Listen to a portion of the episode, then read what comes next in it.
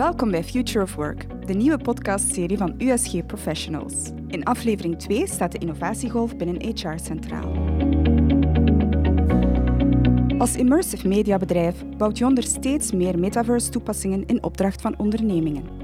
Naast entertainment, retail en marketing is HR een van de topsectoren die vandaag aan de slag gaan met virtual en augmented reality. En ook de evolutie van AI zorgt voor heel wat verschuivingen binnen de sector. Hoe blijven we als werknemers up-to-date? Krijgen we straks technologieles van een chatbot? En hoe bereiden we ons voor op de transformatie van onze jobs? Pieter van Leugenhagen is een metaverse-strategist en medeoprichter van Yonder. Hij bouwt innovatieve VR- en AR-toepassingen voor nationale en internationale bedrijven. Maarten Verschuren is gespecialiseerd in Web3 en artificiële intelligentie en biedt met zijn bedrijf Cleverland expertise over AI en webtoepassingen. Zij gaan in gesprek met business-experte Joke Janssens.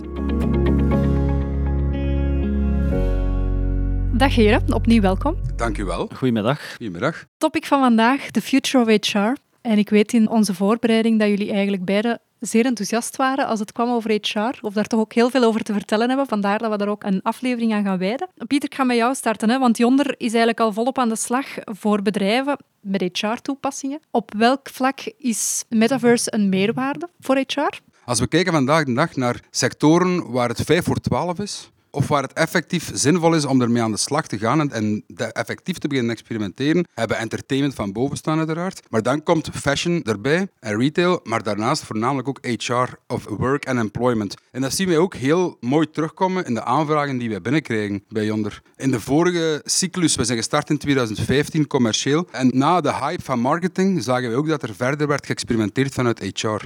Toen met puur VR. En nu gaat het over metaverse, is, is veel breder in die context. Maar we zien wel dat alle facetten van die HR, van het recruteren naar onboarden, naar onboarden of integreren, naar learning, naar retaining, naar collaboration, dat die zaken allemaal wel aan bod komen. En dat we er vandaag ook effectief projecten in doen. Ja, maar eigenlijk een beetje dezelfde vraag voor jou, Maarten. Op welk vlak is AI een meerwaarde binnen HR? Hoe zien we dat dat vandaag al praktisch vorm krijgt? Ja, ik wil eerst nog iets anders toevoegen vanuit mijn eigen ervaring. Dus wat ik doe, is emerging technologies toegankelijk maken voor bedrijven, zodanig dat zij hun business daardoor kunnen doen evolueren en daar value kunnen uithalen. En wat betekent dat dan juist, emerging technologies? Emerging technologies, specifiek AI, Web3 en alles dat met alle concepten die daar rond liggen. Nu, dat is iets dat ik eigenlijk al heel mijn carrière doe. Ik ben gestart als data scientist binnen retail. In Londen werkte ik voor Tesco, en daarna in Parijs voor Carrefour en daarna voor P&G in de US. En het was altijd mijn taak om als data scientist te gaan kijken wat kunnen we leren uit de data om onze business te gaan ondersteunen, om businessvraagstukken op te lossen.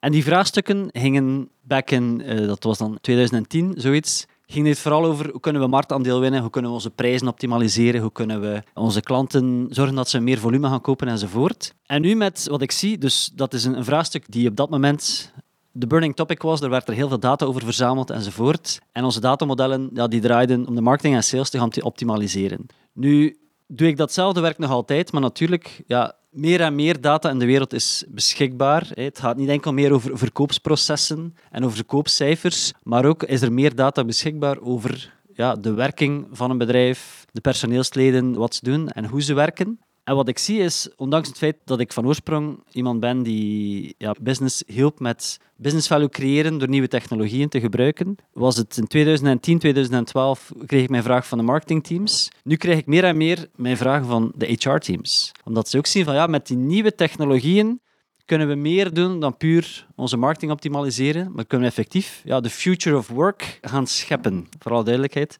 Dus ik inspireer bedrijven en ik merk dat ik, waar ik vroeger meer en meer ging spreken over, kijk, hier kan je de sales plus x procent doen, klantentrouw plus y procent doen, gaat het nu meer over, hier kunnen we ja, op een efficiëntere manier gaan werken. We kunnen efficiëntie verhogen, we kunnen de retentie bij werknemers gaan verhogen, we kunnen het geluksgevoel van werknemers gaan verhogen. Dus ik merk, zonder dat ik het eigenlijk gepland had, dat ik in mijn verhaal dat ik vertel van hoe gebruiken bedrijven emerging technologies, hoe gebruiken bedrijven AI en Web3 enzovoort, heb ik het nu veel vaker over, ja, alles begint bij de werknemer. Hoe voelt hij zich? Wat zijn zijn taken? En hoe kunnen we die technologieën gebruiken om ervoor te zorgen dat de mensen optimaal hun job kunnen doen? Employee first. Ik denk dat Richard Branson met Virgin ook zo'n uh, bekende quote heeft van focus on your employees and then on your customers. Want als je geen goed team hebt, dan ga je ook niet erin kunnen slagen om je klanten goed te bedienen. En wat ik merk is met de nieuwe technologie, met wat vandaag kan, is het denk ik zeer belangrijk beter te gaan ondersteunen, maar ook beter te gaan opleiden, beter te gaan uh, belonen als ze hun werk goed doen en als ze resultaten boeken. Beter gaan vormen als dat nodig is, om ze dan uiteindelijk te gaan behouden, wat qua value creation voor bedrijven enorm is. Dus ja, emerging technologies gaan ervoor zorgen dat bedrijven door het beter ondersteunen van hun personeel business value gaan genereren. Niet puur door een verkopen te gaan stimuleren. Oké. En dan concreter, wat zijn zo de meest voorkomende HR-aanvragen dat jullie binnenkrijgen? Ja, dus heel concreet, wat mij vandaag opvalt, is dat het gaat over hoe kan ik mijn talent behouden. Dat gaat in zekere zin wordt erbij, we kunnen het heel tactisch hebben over recrutering en over processen. Ik denk dat we daar straks gaan over spreken. Maar als je kijkt naar de bigger picture, dan, dan weten bedrijven dat er heel veel talent aanwezig is in een bedrijf. En vinden ze het belangrijk dat uh, mensen tevreden zijn en dat ze ook willen blijven bij een bedrijf en verder evolueren. Ik denk dat de tijd dat uh, mensen starten met een job met het idee van ik blijf hier tot ik 60 word en ga, dan ga ik op pensioen. Dat bestaat niet meer. Het is meer en meer normaal dat je om de x jaar verandert van job, ofwel binnen het bedrijf, ofwel ga je ergens anders naartoe. En het is dat proces om het, die interne flow van mensen te kunnen beheren, waar ik heel concreet vragen over krijg. Van hoe, hoe kunnen we detecteren hoe gelukkig mensen zijn? Hoe kunnen we detecteren hoe productief ze zijn? Hoe kunnen we early signs gaan vinden dat uh, mijn werknemers ja, op de juiste plaats zitten op het juiste moment. En als je puur kijkt naar door het verzamelen van data rond, enerzijds gaat het over ja, aanwezigheden, eh, gepresteerde uren enzovoort, maar ook de communicatie met teams, de hoeveel meetings doen mensen, kan je statistische modellen gaan trainen om te gaan identificeren van hoe gelukkig zijn mensen in een job. Als we zien bijvoorbeeld dat als ze heel veel interactie hebben met verschillende teams, dan zijn de mensen doorgaans gelukkiger in een job, voelen ze zich meer deel van de community binnen een werkomgeving. Als ze wat geïsoleerd zitten en puur moeten focussen op een taak, dan is de kans groter dat ze minder tevreden zijn. En zo kan je door taal van predictoren gaan uitmaken van goed, waar zitten ja, de risicogebieden, wie zit er in een risicogebied omdat hij al heel lang in dezelfde job zit, of omdat hij weinig interactie heeft, of omdat het resultaat van zijn werk minder business value genereert. Dat is blijkbaar ook een belangrijke predictoren. Als je heel vaak als je werkt aan iets en je resultaat wordt uiteindelijk niet, niet gebruikt of niet verkocht enzovoort, dan worden de mensen daar ook minder gemotiveerd door enzovoort. En er zijn uh, tools die ook in Vlaanderen ontwikkeld worden. Ik denk nu spontaan aan een start-up uit Gent, die ook werkt rond, oké, hoe kan als HR-afdeling het geluk van je mensen gaan optimaliseren? En ze doen dat door massaal veel data te gaan verzamelen en echt te gaan tracken van uh, ja, waar, kunnen we de mensen beter gaan, gaan inzetten en hoe kunnen we ze beter gaan belonen. En dat is puur door het gebruik van data. Ik spreek nog niet over ChatGPT daarvoor, dat gaat meer over het efficiënter maken. Het gaat puur om het in kaart brengen van de talenten van mensen, van het geluk, van interacties, om zo te kunnen gaan voorspellen van goed, waar moeten we op inzetten om ons team uh, efficiënter te doen werken of om, om ze gelukkiger te maken, om het algemene value die we voor iedereen creëren te gaan optimaliseren.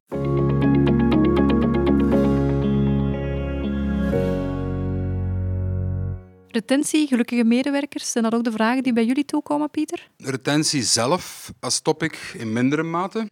Collaboration dan weer wel. Wij zien eigenlijk wel toepassingen die eigenlijk volledig die journey van die HR-cycle volgen. Dus ook naar recruiting zijn we nu met het project begonnen.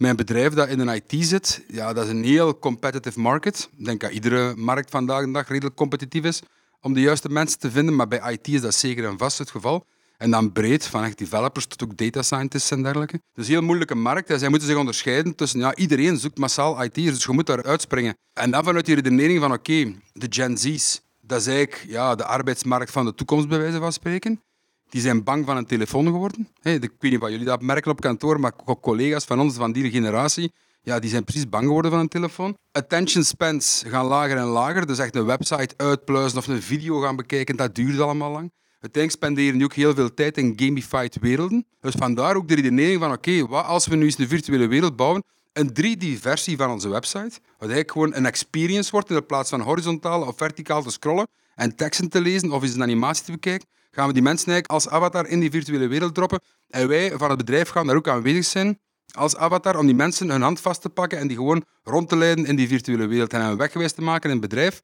En op die manier het verhaal en de company culture mee te geven. Sterker nog, we kunnen daar eh, recruitment events in organiseren. We kunnen daar onboarding events in gaan organiseren. Want eens dat we die driedimensionalisering hebben van ons bedrijf, en dat hoeft dat geen één op één kopie te zijn van het fysieke kantoor, maar ga echt beyond imagination. Hè. Je zit in een virtuele wereld, kunt doen wat je wilt, maar probeer wel je company culture mee te geven met die mensen. En laat die mensen praten met u op een manier waarop ze het gewoon zijn. Van in een vrije tijd, 80% van die generatie speelt spelletjes. En ja, Metaverse raakt wel aan gaming. De mechanics zijn min of meer hetzelfde, zeker als het over virtuele werelden gaat. Dus op die manier gaan zij proberen die mensen te bereiken op een manier waarop die heel veel bereikt worden of heel veel communiceren. Dus dat is dan een voorbeeld van recruiting. Oké. Ik ga dat voorbeeld even doorspelen ook naar Maarten. Ja, de kranten hebben de voorbije tijd volgestaan van ChatGPT.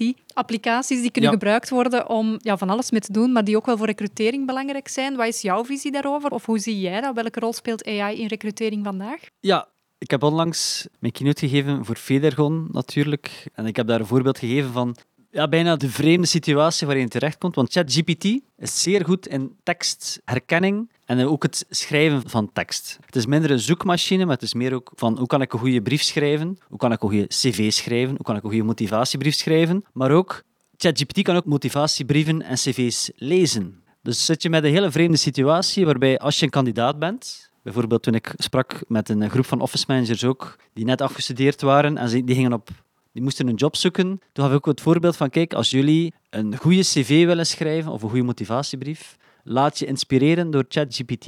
Beschrijf in korte zinnetjes, dat hoeft geen, ja, geen uitgebreide brief te zijn, wie jij bent en wat je graag doet en waarom je voor een bedrijf wil werken.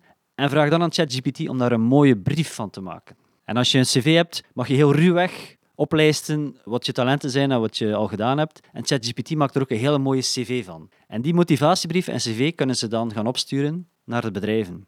Voor de kandidaat die wat verlegen is of niet goed weet hoe hij zo'n brief schrijft of overtuigend kan zijn, kan ChatGPT een middel zijn om hele mooie brieven te schrijven. Nu, de ironie natuurlijk is dat als recruteerder ja, krijg je heel veel cv's en brieven binnen. En kan ik mij voorstellen dat het niet altijd evident is om het kaf van het koren te scheiden. Dus kan je diezelfde brieven terug gaan ingeven in ChatGPT en vragen van geef eens een hele kort overzicht van wie deze persoon is, gerankt op, eh, bepaalde skills waarvoor, waarop we naar op zoek zijn. Van die cv net hetzelfde. Als dit de jobbeschrijving is, past deze motivatie en deze cv bij de job waarvoor we iemand zoeken. Wat een, eh, een vreemde situatie is natuurlijk, want de kandidaat kan dan een cv en motivatiebrief sturen, geschreven door ChatGPT.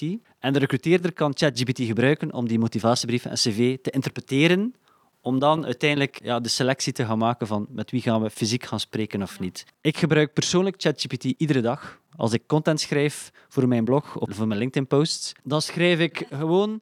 Ik schrijf mijn post zo goed ik kan in het Engels en dan vraag ik gewoon aan ChatGPT van optimaliseer nu eens de taal. En dan zie je gewoon van goed, ja, de inhoud verandert niet, maar de Engelse verwoording is net iets mooier, iets vloeiender. Dus voor mij, ik voel al vandaag van als ChatGPT plat ligt. Eerst had ik de niet betalende versie en ik gebruikte dat iedere dag. En plots, ja, als je niet betaalt, kan het zijn dat je geen toegang hebt tot de tool. En plots had ik geen toegang en dat voelde aan als een ongelooflijk gemis al. Van, ai, Ja. nu moet ik zelf nog mijn spelling gaan checken en gaan kijken of ik niet twee keer hetzelfde woord gebruik enzovoort. En dat voelde echt als een aderlating van, amai, heb ik, heb ik nu echt mijn, mijn schrijftool niet beschikbaar? En ik vermoed dat we dat stilletjes aan allemaal zo gaan beginnen ervaren. We zullen het volgens jou binnenkort ook echt allemaal gaan gebruiken dan? De technologie, als mens word je daar wel verslaafd aan natuurlijk. Hè. Dus tien jaar geleden of twintig jaar geleden konden we perfect zonder smartphone. Maar als ik vandaag aan jullie vraag van kijk, we gaan eens eh, twee dagen zonder smartphone rondwandelen, dan gaan we serieus moeten afkicken. En bij ChatGPT wordt het net hetzelfde. Ik vermoed dat alle kandidaten en alle recruteerders, dat wij voor, voor het schrijven van teksten en ook voor de interpretatie daarvan, die tool iedere dag gaan gebruiken. Iedere dag. Dus dit is geen hype die nu opkomt en die dan weer zal verdwijnen. Nee, vanaf nu gebruik ik voor de rest van mijn professionele carrière waarschijnlijk iedere dag ChatGPT en zal ik zeer ja, verveeld zijn als die technologie niet meer beschikbaar is. En ik zal niet de enige zijn. Ik vermoed dat iedereen die, met, die moet schrijven of communiceren voor zijn job, dat waarschijnlijk ook meer en meer zal beginnen gebruiken. Ik moet wel de laatste twee vacatures die van ons online verschenen zijn, die zijn ook qua briefing door ChatGPT geschreven. En die gaan dan naar de copywriter. Ik schrijf dan van, maak een vacature voor een marketingmanager die remote mag werken, die mag ook internationaal zijn. Die moet die en die en die skills hebben. Up, die genereert een vacature. Maar daar is dan niet een tone of voice van ons bedrijf geschreven. Dus ik vind dat persoonlijk nog niet goed genoeg om bij ons op de site te verschijnen. Op zich is dat perfect geschreven. Hè? En mits wat tweaks, links en rechts, is dat goed. Maar dat staat dan niet perfect in een tone of voice, dus dan moet dat wel naar een copywriter bij ons. Ja, dat duurt dan voor haar ook veel minder lang dan dat hij gewoon van nul moet beginnen schrijven. Dus dat, qua tijdswinst is dat gigantisch. Ja. Naar het eh, schrijven van LinkedIn-posts en dergelijke. Maar in principe, ja, dat is ook gewoon geschreven. Gewoon de basics van eh, schrijven een post in 150 woorden met die en die en die essentie. En dat komt eruit. Dus dat zorgt ervoor, en dan een voorbeeld te geven van ik heb veel meer tijd om te steken in die zaken die ik dat wel. Dat eigenlijk de core van mijn business is. Een Ja, LinkedIn-post creativiteit meer... is eh, voor mij een side business. Oké, dus dat voedt mijn thought leadership als metaverse-expert, om het zo te zeggen. Dus je moet daar aanwezig zijn. Maar dat zorgt er niet voor dat ik billable bij een klant kan zijn, bij wijze van spreken. Dus die side hustle, als ik die kan automatiseren of kan minimaliseren tot de essentie, en nog altijd wel kwaliteit leveren, ja, is dat gewoon geniaal. Hè? Ja, het is een zeer nabije toekomst. Dit is vandaag gewoon al de realiteit. Ja. Vandaag moeten we nog misschien één extra klik doen om ChatGPT open te doen. Maar vanaf volgend jaar gaan we niet meer nadenken over gebruik ik hier AI. Je zal het gewoon normaal vinden, van, zoals we het vandaag normaal vinden, dat we een document schrijven in Word. We zullen het ook normaal vinden dat daar een knopje is, schrijf mijn document, en het wordt geschreven. En zullen we niet meer nadenken van, vroeger was het anders. Zoals de term metaverse binnen tien jaar ook niet meer zal uitgesproken worden, waarschijnlijk. En dat ook gewoon als een logische volgende stap van ons internet wordt aanzien. Ik ben benieuwd.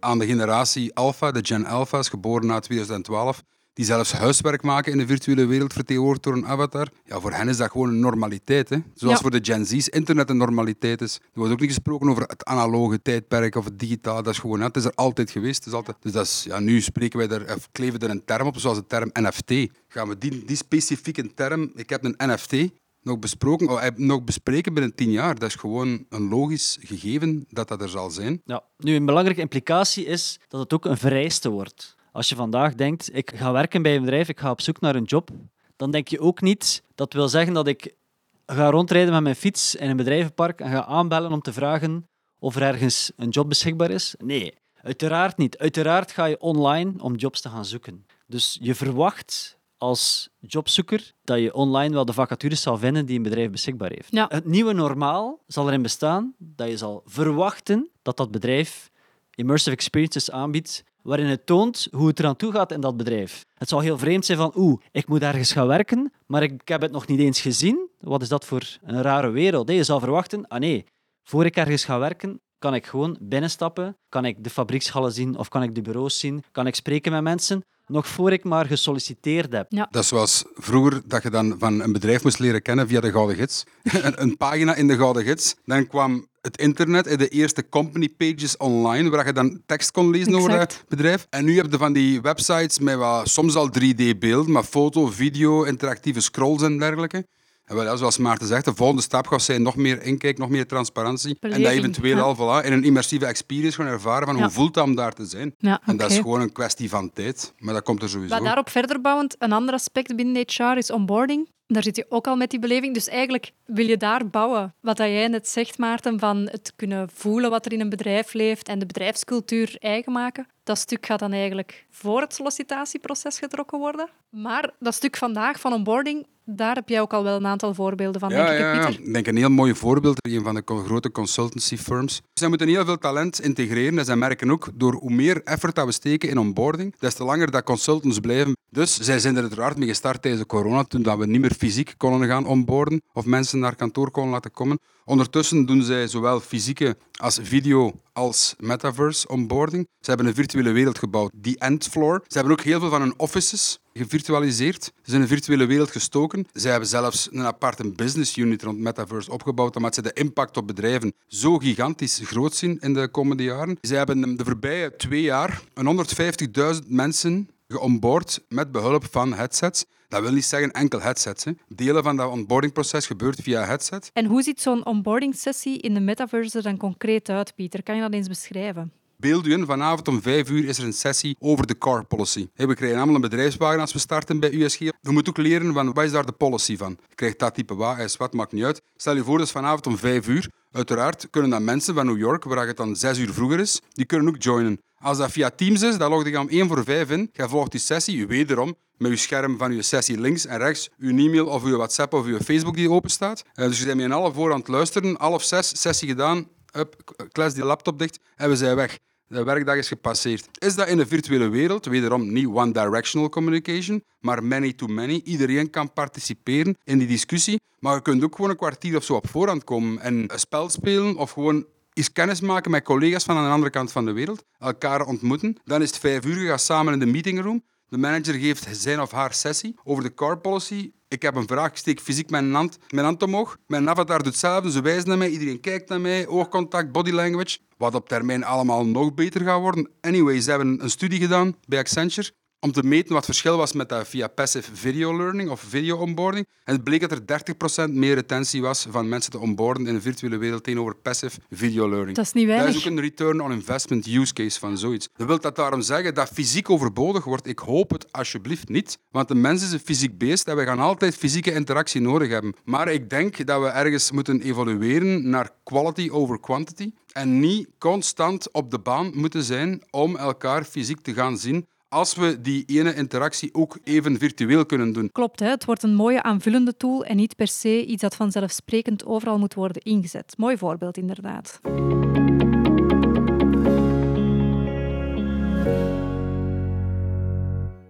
Een ander deelaspect van HR, learning and development, training.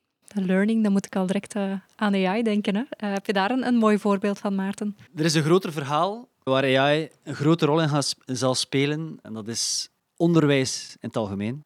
Wat we zien, en dat is nu een beetje higher level, maar ik wil het toch even aanraken, is dat de technologie evolueert zodanig snel dat wat je leert in de schoolbanken per definitie verouderd is op het moment dat je afgestudeerd bent. De evolutie in technologie en in de tools die we gebruiken en de manier waarop we werken, die zal telkens maar veranderen en versneld veranderen, waardoor het een absolute noodzaak zal zijn voor elke werknemer om levenslang te leren. Dat is een klassieke zin die al heel lang bestaat, maar die in dit geval ja, de evidentie zelf wordt. Want als je dan terugdenkt aan die office managers die uh, net afgestudeerd zijn, die hebben leren werken met tools die binnen zes maanden ja, ouderwets zullen zijn. Door de nieuwe AI-tools die gebruikt worden in alle processen van de, van de bedrijfsvoering, dan is het zeker dat die profielen sowieso moeten bijgeschoold worden om die nieuwe tools bij te leren. Nu, als je weet dat in elke bureaujob die evolutie zal gebeuren, kan je de vraag stellen van, ja, hoe krijg je ze nog opgeleid? Waar vind je de leerkrachten of de opleiders van die nieuwe tools om heel die workforce te gaan bijschaven, bijscholen, zodanig dat ze competitief werk kunnen blijven doen en op een efficiënte manier kunnen blijven werken. En daar kan AI dan opnieuw, de technologie geeft bijna les over de technologie, kan AI opnieuw een rol gaan spelen, omdat je met virtuele omgevingen, effectief, met generatieve AI, kan je eigenlijk opleidingen gaan creëren over onderwerpen ja, aan de lopende band. En dat is redelijk ja, dat is innovatief. Er bestaat er nog geen gouden standaard van en er, er zijn nog geen kwaliteitschecks, maar het is perfect mogelijk om vandaag te zeggen van ik zal AI gebruiken en ik, zal, ik gebruik AI als een tool om op een groter volume gepersonaliseerde opleidingen te creëren. Dus dat is ook opnieuw, dat is contentcreatie, dat is het schrijven van toepassingen, van teksten, van presentaties, van oefeningen. Het is perfect mogelijk om oefeningen te maken. Het is perfect mogelijk om uh, op, een, op een leuke manier mensen dingen bij te leren door gebruik te maken van de nieuwe technologieën. Ja. Er, is, er zijn niet genoeg leerkrachten die geschoold zijn in nieuwe technologieën, denk ik, om continu iedereen te gaan bijleren overal, over alles.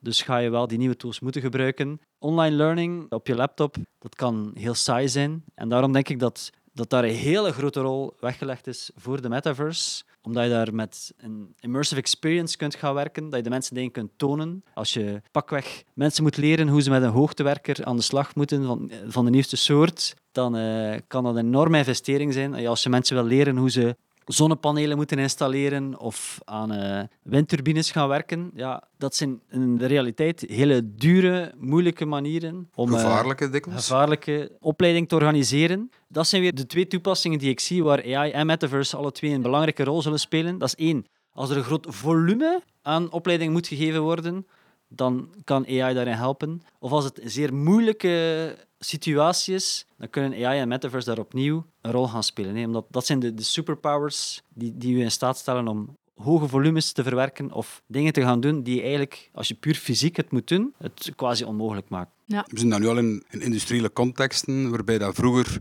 een grote machine, beeld u in, een heel grote machine, die is stuk en die moet gereset worden. Dan moet er dikwijls een technieker uit Frankrijk komen, of uit Duitsland, of uit Nederland, of misschien van de andere kant van België, om die machine te gaan herstellen.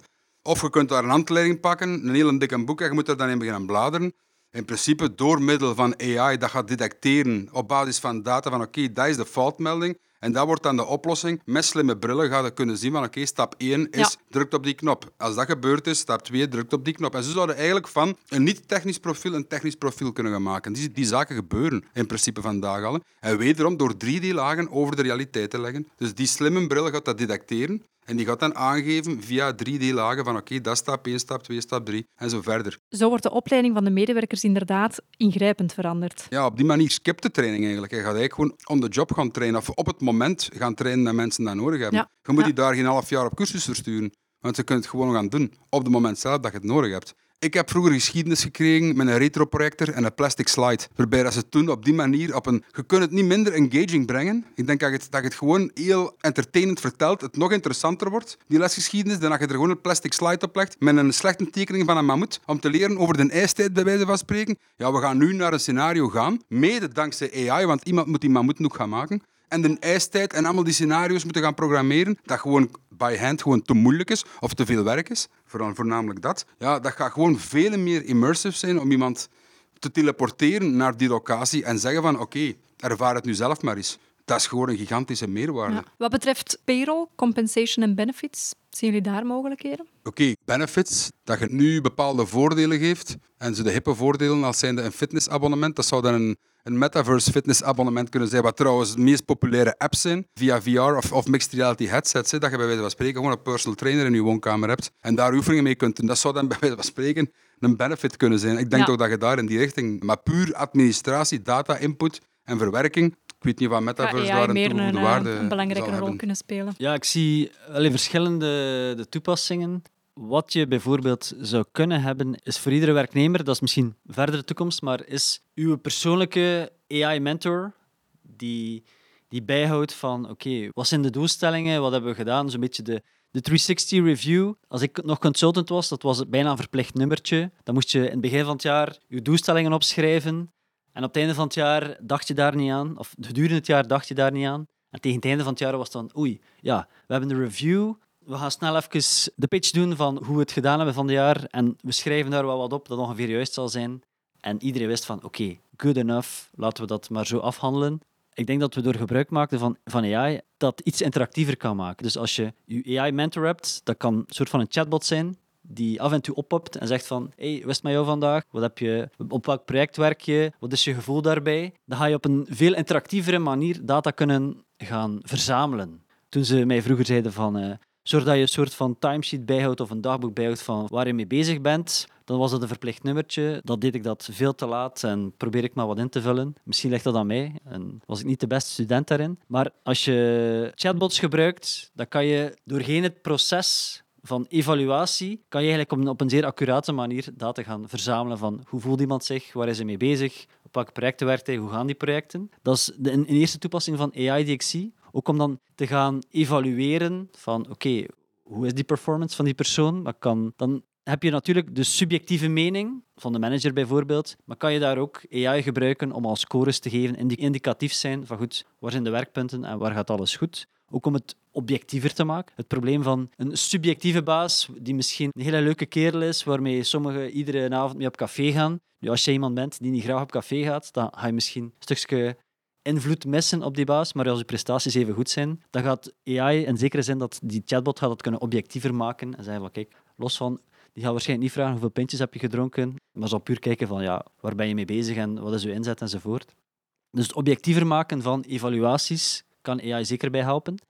En dan tenslotte, als ik denk aan other emerging technologies, dan ga ik graag terug naar ja, het geven van NFT's als beloning, als alternatieve beloning. hè. Ik denk NFT's, maar ook bijvoorbeeld digital currencies. Ik kan mij een toekomst inbeelden waarbij bedrijven hun eigen digital currency hebben. Oké, en geef eens een concreet voorbeeld wat dat voor een medewerker betekent. Dus als we kijken naar de principes van Web3, dan heeft iedereen dan bestaat de mogelijkheid als, om als bedrijf te zeggen van kijk, je hebt je wallet en daar gaan we al je beloningen gaan geven. Al je digitale beloningen. En dan kan het zijn van oké, we gaan je niet puur financieel belonen bij alles wat je doet, maar we gaan, je, we gaan een coin ontwikkelen en zo is de Katecoin. Bij KBC hebben ze nu de Katecoin gemaakt, ook voor het grote publiek. Die hebben ze ook eerst intern getest. En dat was van kijk, als je wenselijk gedrag gaat vertonen, dan word je beloond niet puur door het geld of door weet ik veel wat, exclusieve reisjes, maar krijg je coins die je later kan gaan gebruiken. En dan kiest het bedrijf van goed, waar gaan we die coins voor kunnen inzetten. Misschien zijn het reisjes, misschien is het uh, een keer op restaurant gaan of zo. Maar kan je dus ergens een,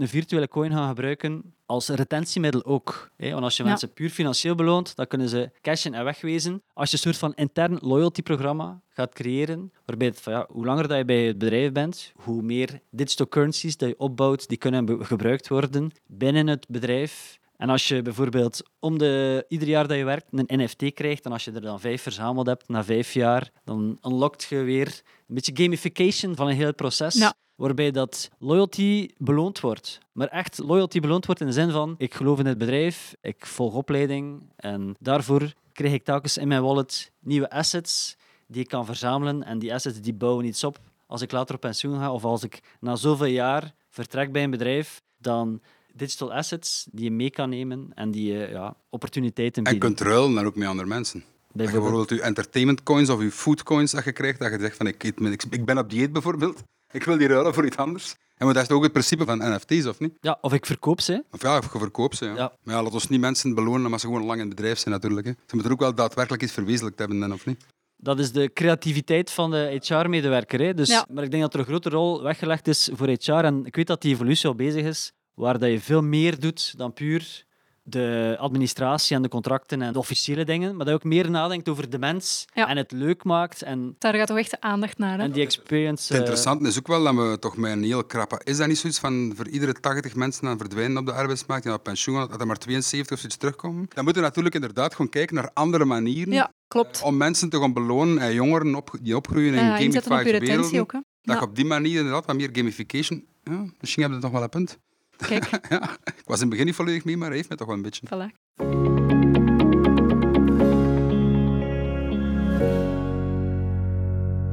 Tot slot, vanuit HR-standpunt, welke evoluties houden we best in toog? Welke grote doorbraken zitten er nog in de pipeline? Ik denk uh, vanuit het metaverse-standpunt, als we die term dan nog, moeten, nog maar eens moeten gebruiken, denk ik dan toch eerder richting, ook al gaat het niet over VR en AR, jullie kennen mijn mening ondertussen, voor bepaalde toepassingen, is dat nog altijd meer immersive en compelling om dat via headsets te gaan doen. En ik denk dat daar de komende drie jaar enorm veel gaat gebeuren. Als ik terugkijk naar 2015, toen wij starten, en we gingen demo's geven bij klanten of prospects, dan moesten we letterlijk een uur op voorhand komen om die hardware te installeren.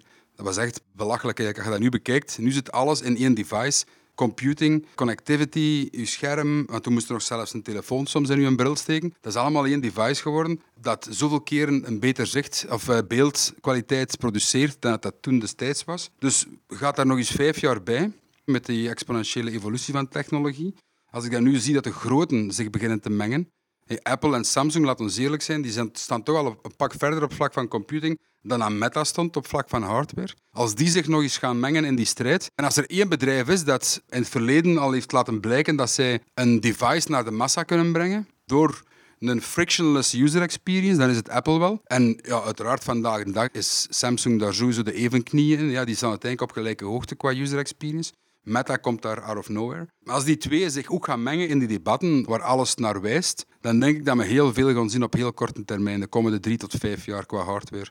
En dat we dan binnen vijf jaar anders gaan kijken naar de discussie die we nu hadden van gaat dat eigenlijk wel iets worden dat je terugdenkt 15 jaar geleden. En ze zeiden tegen u 15 jaar geleden waar je allemaal met je smartphone ging doen. En je zou zeggen, van, jullie zijn gek. Dat geloof ik nooit. En zeker niet dat je er misschien 1200 euro aan ging geven als een device. Want dat kost uiteindelijk vandaag de dag voor een premium device. Dat iedereen ging je, ging je gek verklaard hebben. Dus doe er nu nog eens tien jaar bij en kijk dan eens van wat we daar potentieel allemaal mee zouden kunnen gaan doen. Dat is waanzinnig wat dat potentieel is. Ja, en wat betreft AI, Maarten, wat komt er voor HR daar nog op ons af? Ik denk dat de HR-medewerker een van de belangrijkste taken zal hebben in een bedrijf de komende jaren. Want AI gaat, zal voor twee dingen zorgen. Enerzijds zal het de jobs transformeren. Ja. Dus die dingen die afkomen, we hebben het al eh, aangehaald, er is heel veel mogelijk. Maar het onmiddellijke gevolg zal zijn dat je met twee groepen mensen zit. De groep mensen die bang zal zijn van de verandering. En anderzijds de groep mensen die verwacht dat die tools effectief gebruikt worden, die niet in het stenen tijdperk gaan willen werken met tools die niet AI-fueled zijn, maar dus die gaan verwachten van we moeten dit gebruiken. En dus je hebt, denk ik, verschillende typen stress die op de werkvloer zullen ontstaan eh, op hetzelfde moment. En het zal zijn aan de HR-managers of aan de, de teammanagers om dat op een goede manier te gaan beheren. Ik denk dat dat de grootste uitdaging zal worden. Je hebt natuurlijk de uitdaging van we moeten dat gaan implementeren en de mensen opleiden enzovoort. Maar puur het, het managen van de stress van de medewerkers, ze een perspectief geven van kijk, zo ziet onze future of work eruit als bedrijf. Dit zijn de rollen, op deze manier gaan we het aanpakken. Dit is de roadmap, om daar heel goed te kunnen over communiceren. En op die manier de jongeren, ik ga ze de jongeren noemen, of de mensen die ambitie hebben om die tools te gebruiken, het juiste perspectief te geven van yes, we zijn mee als bedrijf, we, gaan, wij worden geen dinosaurus, maar we zitten mee op de trein. Maar tegelijkertijd ook de mensen die al heel lang hun job graag doen, die geruststelling geven van ja, wij zijn ook nog niet versleten, we gaan, uh, we gaan nog lang van toegevoegde waarde kunnen zijn hier. Ik denk dat kader kunnen scheppen als bedrijf, dat dat de allerbelangrijkste taak wordt van een HR. Eigenlijk moet een HR wel wat van alle markten thuis zijn. Hè? Het is het stuk communicatie, het is de vertaalslag van technologie, het is het stuk change management. Ja. Het wordt een Dat is uitdaging. in termen van metaverse of ja, het gebruik van die nieuwe tools en die virtuele werelden net hetzelfde. hè. Voor sommige mensen die aan tech-savvy zijn, die kijken daar naar uit. Neem dat voorbeeld van die frisdranken-gigant, waarbij de mensen die aan in het Innovation Lab werken, massaal die tools embracen en die dat effectief gebruiken, gaat dan naar een andere bedrijf in een tak van sport die aan totaal niet met innovatie en technologie bezig zijn. En dat zal inderdaad een digitale transformatietraject vereisen om die mensen mee op de kaart te krijgen. Dus dat gaat sowieso inderdaad tijd kosten. Maar dat gaat ook altijd wel gepaard met een frictieloze user experience. hè. Vandaag de dag is dat device, en dat spreek ik dan over headsets, of in die werelden gaan. Je computer is niet zwaar genoeg, die kan die werelden niet processen. Eh, Je internetverbinding is niet goed genoeg, die bril die weegt te veel. Allemaal die zaken zorgen ervoor dat mensen zeggen van, echt waar, ik geloof daar absoluut niet in. Maar het moment dat dat een meerwaarde biedt, Kijk dan wat Apple destijds met een smartphone gedaan Ja. heeft. Je gaat ten eerste een PDA en dan een BlackBerry. Je kon daar dan een e-mail mee sturen, een veel te slechte foto maken of een CSV-file versturen. Ja, voor bedrijven was dat top, hè, want ja, mensen konden always on zijn, konden altijd blijven werken. Maar voor de consument, ja, wat konden we daarmee doen? Dat waren enkel de innovators of die early adopters die ermee mee waren. Maar dan kwam Apple met een verbeterde user experience, een iPhone, een App Store, waar je van alles mee kon doen. Allemaal coole en onnozele dingen, maar echt een, een verbeterde user experience. Waardoor dat je op die manier ja, meer adoption kreeg van die devices of van het gegeven as such, waardoor dat in één keer ieder bedrijf een mobile website en een mobiele app moest hebben. Want ze moesten altijd en overal accessible zijn en bereikbaar Ja. zijn. En wel, en die shift die gaan we ook gaan zien van het moment dat dat nieuw computing device er is Ja. en alles driedimensioneel moet worden. Dat wil niet zeggen dat mobile apps en gewone websites gaan verdwijnen, maar er gaat weer een nieuwe manier van contentconsumptie bij komen, maar die anderzijds ook enorm veel opportuniteiten biedt voor nieuwe business modeling. En dat, ja, bedrijven gaan dat gewoon moeten embracen. En voor bepaalde sectoren gaat dat veel sneller, veel harder impact hebben dan voor andere bedrijven die vandaag de dag nog altijd draaien zonder internet. De lokale bakker en beenhouwer, vandaag de dag, oké, die staan ook wel onder druk, maar die hebben geen website nodig. Of die, in principe hebben die dat niet nodig. Die zouden perfect zonder kunnen. Een lokale supermarkt in een dorp waar 15.000 mensen wonen, die hebben in principe geen webshop nodig. Hè? Dus voor hen is dat minder van toepassing. Maar er gaan Ja. bedrijven zijn die aan heel snel gedisrupt zouden kunnen gaan worden. Ja. Of die aan heel snel inderdaad. een voorsprong zouden kunnen gaan nemen op een concurrent. En daarom.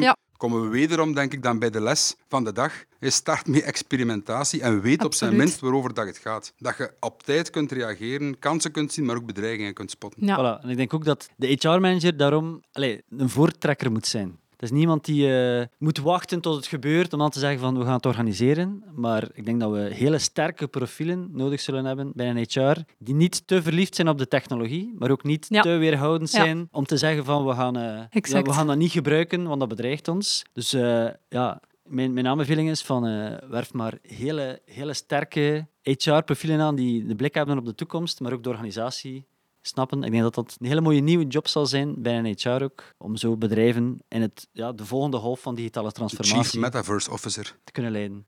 Sommige bedrijven hebben effectief al een Chief Metaverse Officer. Maar dat zijn dan voornamelijk die bedrijven waar het al 12 uur is of 5 na 12. Hè. Entertainment, Ja. fashionbedrijven. Daar is effectief geld te verdienen met digital assets of gewoon een nieuwe vorm van entertainment. Maar HR stond ook in die top 5 van de sectoren, dus dat is wel eentje om over na te denken. Voilà. Chief Metaverse Officer, de CM, kleine VO, de nieuwe C-suite functie. Of Head of Metaverse kan ook. Hoeft niet per se direct een C-level functie te zijn. Maar inderdaad, dat is een nieuwe functie die eh, om de hoek komt kijken. Pieter, Maarten, dank jullie wel opnieuw voor eh, deze zeer interessante aflevering. Een boeiende evolutie om in het oog te houden. Dank jullie wel, heren.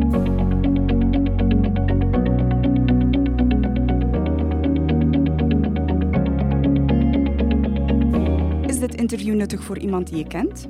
Vergeet de podcast dan zeker niet te delen. Heb je een vraag of wil je een reactie kwijt? Stuur dan een mailtje naar joke.janssens.usgprofessionals.be. In de volgende aflevering vertelt Matthias Dobbelaar Welvaart ons over de valkuilen van nieuwe technologie voor onze privacy en hoe we ons daarop kunnen voorbereiden. Graag tot dan!